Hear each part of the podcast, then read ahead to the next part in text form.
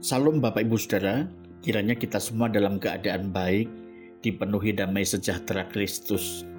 Mari kita berdoa. Tuhan Yesus kami bersyukur menjalani kehidupan di dunia ini dengan nilai-nilai kerajaan surga yang Tuhan anugerahkan bagi kami.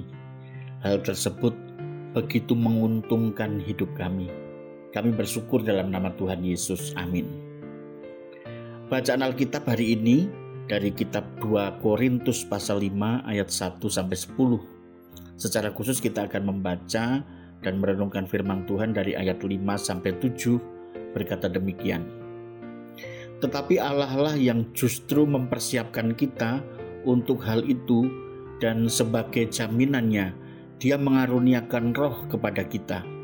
Karena itu hati kami senantiasa tabah meskipun kami sadar bahwa selama kami mendiami tubuh ini, kami masih jauh dari Tuhan, sebab hidup kami ini adalah hidup berdasarkan iman, bukan berdasarkan apa yang kelihatan. Hidup di dunia dengan perspektif kekekalan. Tidak mudah untuk melihat penderitaan dengan harapan habis hujan akan tampak pelangi. Lebih mudah bagi kita membayangkan penderitaan dengan gambaran habis hujan banjir melanda. Kesulitan saja yang akan muncul selanjutnya. Paulus bukan sekedar melihat sisi positif bila dia katakan bahwa meski tubuhnya menjadi lemah karena penderitaan yang dia alami, tetapi kehidupan rohaninya diperbaharui dan diperkuat oleh kuasa Allah cakrawala pemikirannya menjangkau pengharapan kekal, yakni tempat kediaman di sorga yang disediakan Allah untuk gantikan tempat kediaman di bumi. Ketika tubuh di bumi ini menderita, orang beriman berharap akan tubuh kebangkitan, yaitu tubuh kemuliaan yang diterima pada hari kedatangan Kristus.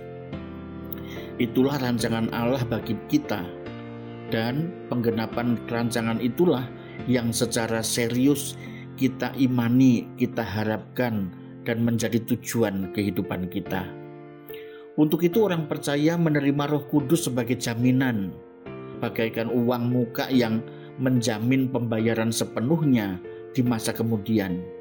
Maka karya Roh Kudus di dalam kehidupan Paulus dan jemaat Korintus merupakan uang muka dari keselamatan penuh yang akan diterima mereka kelak di masa yang akan datang. Roh Kudus menolong orang beriman agar hidup dalam penderitaan itu mengalami latihan dan menguatkan iman.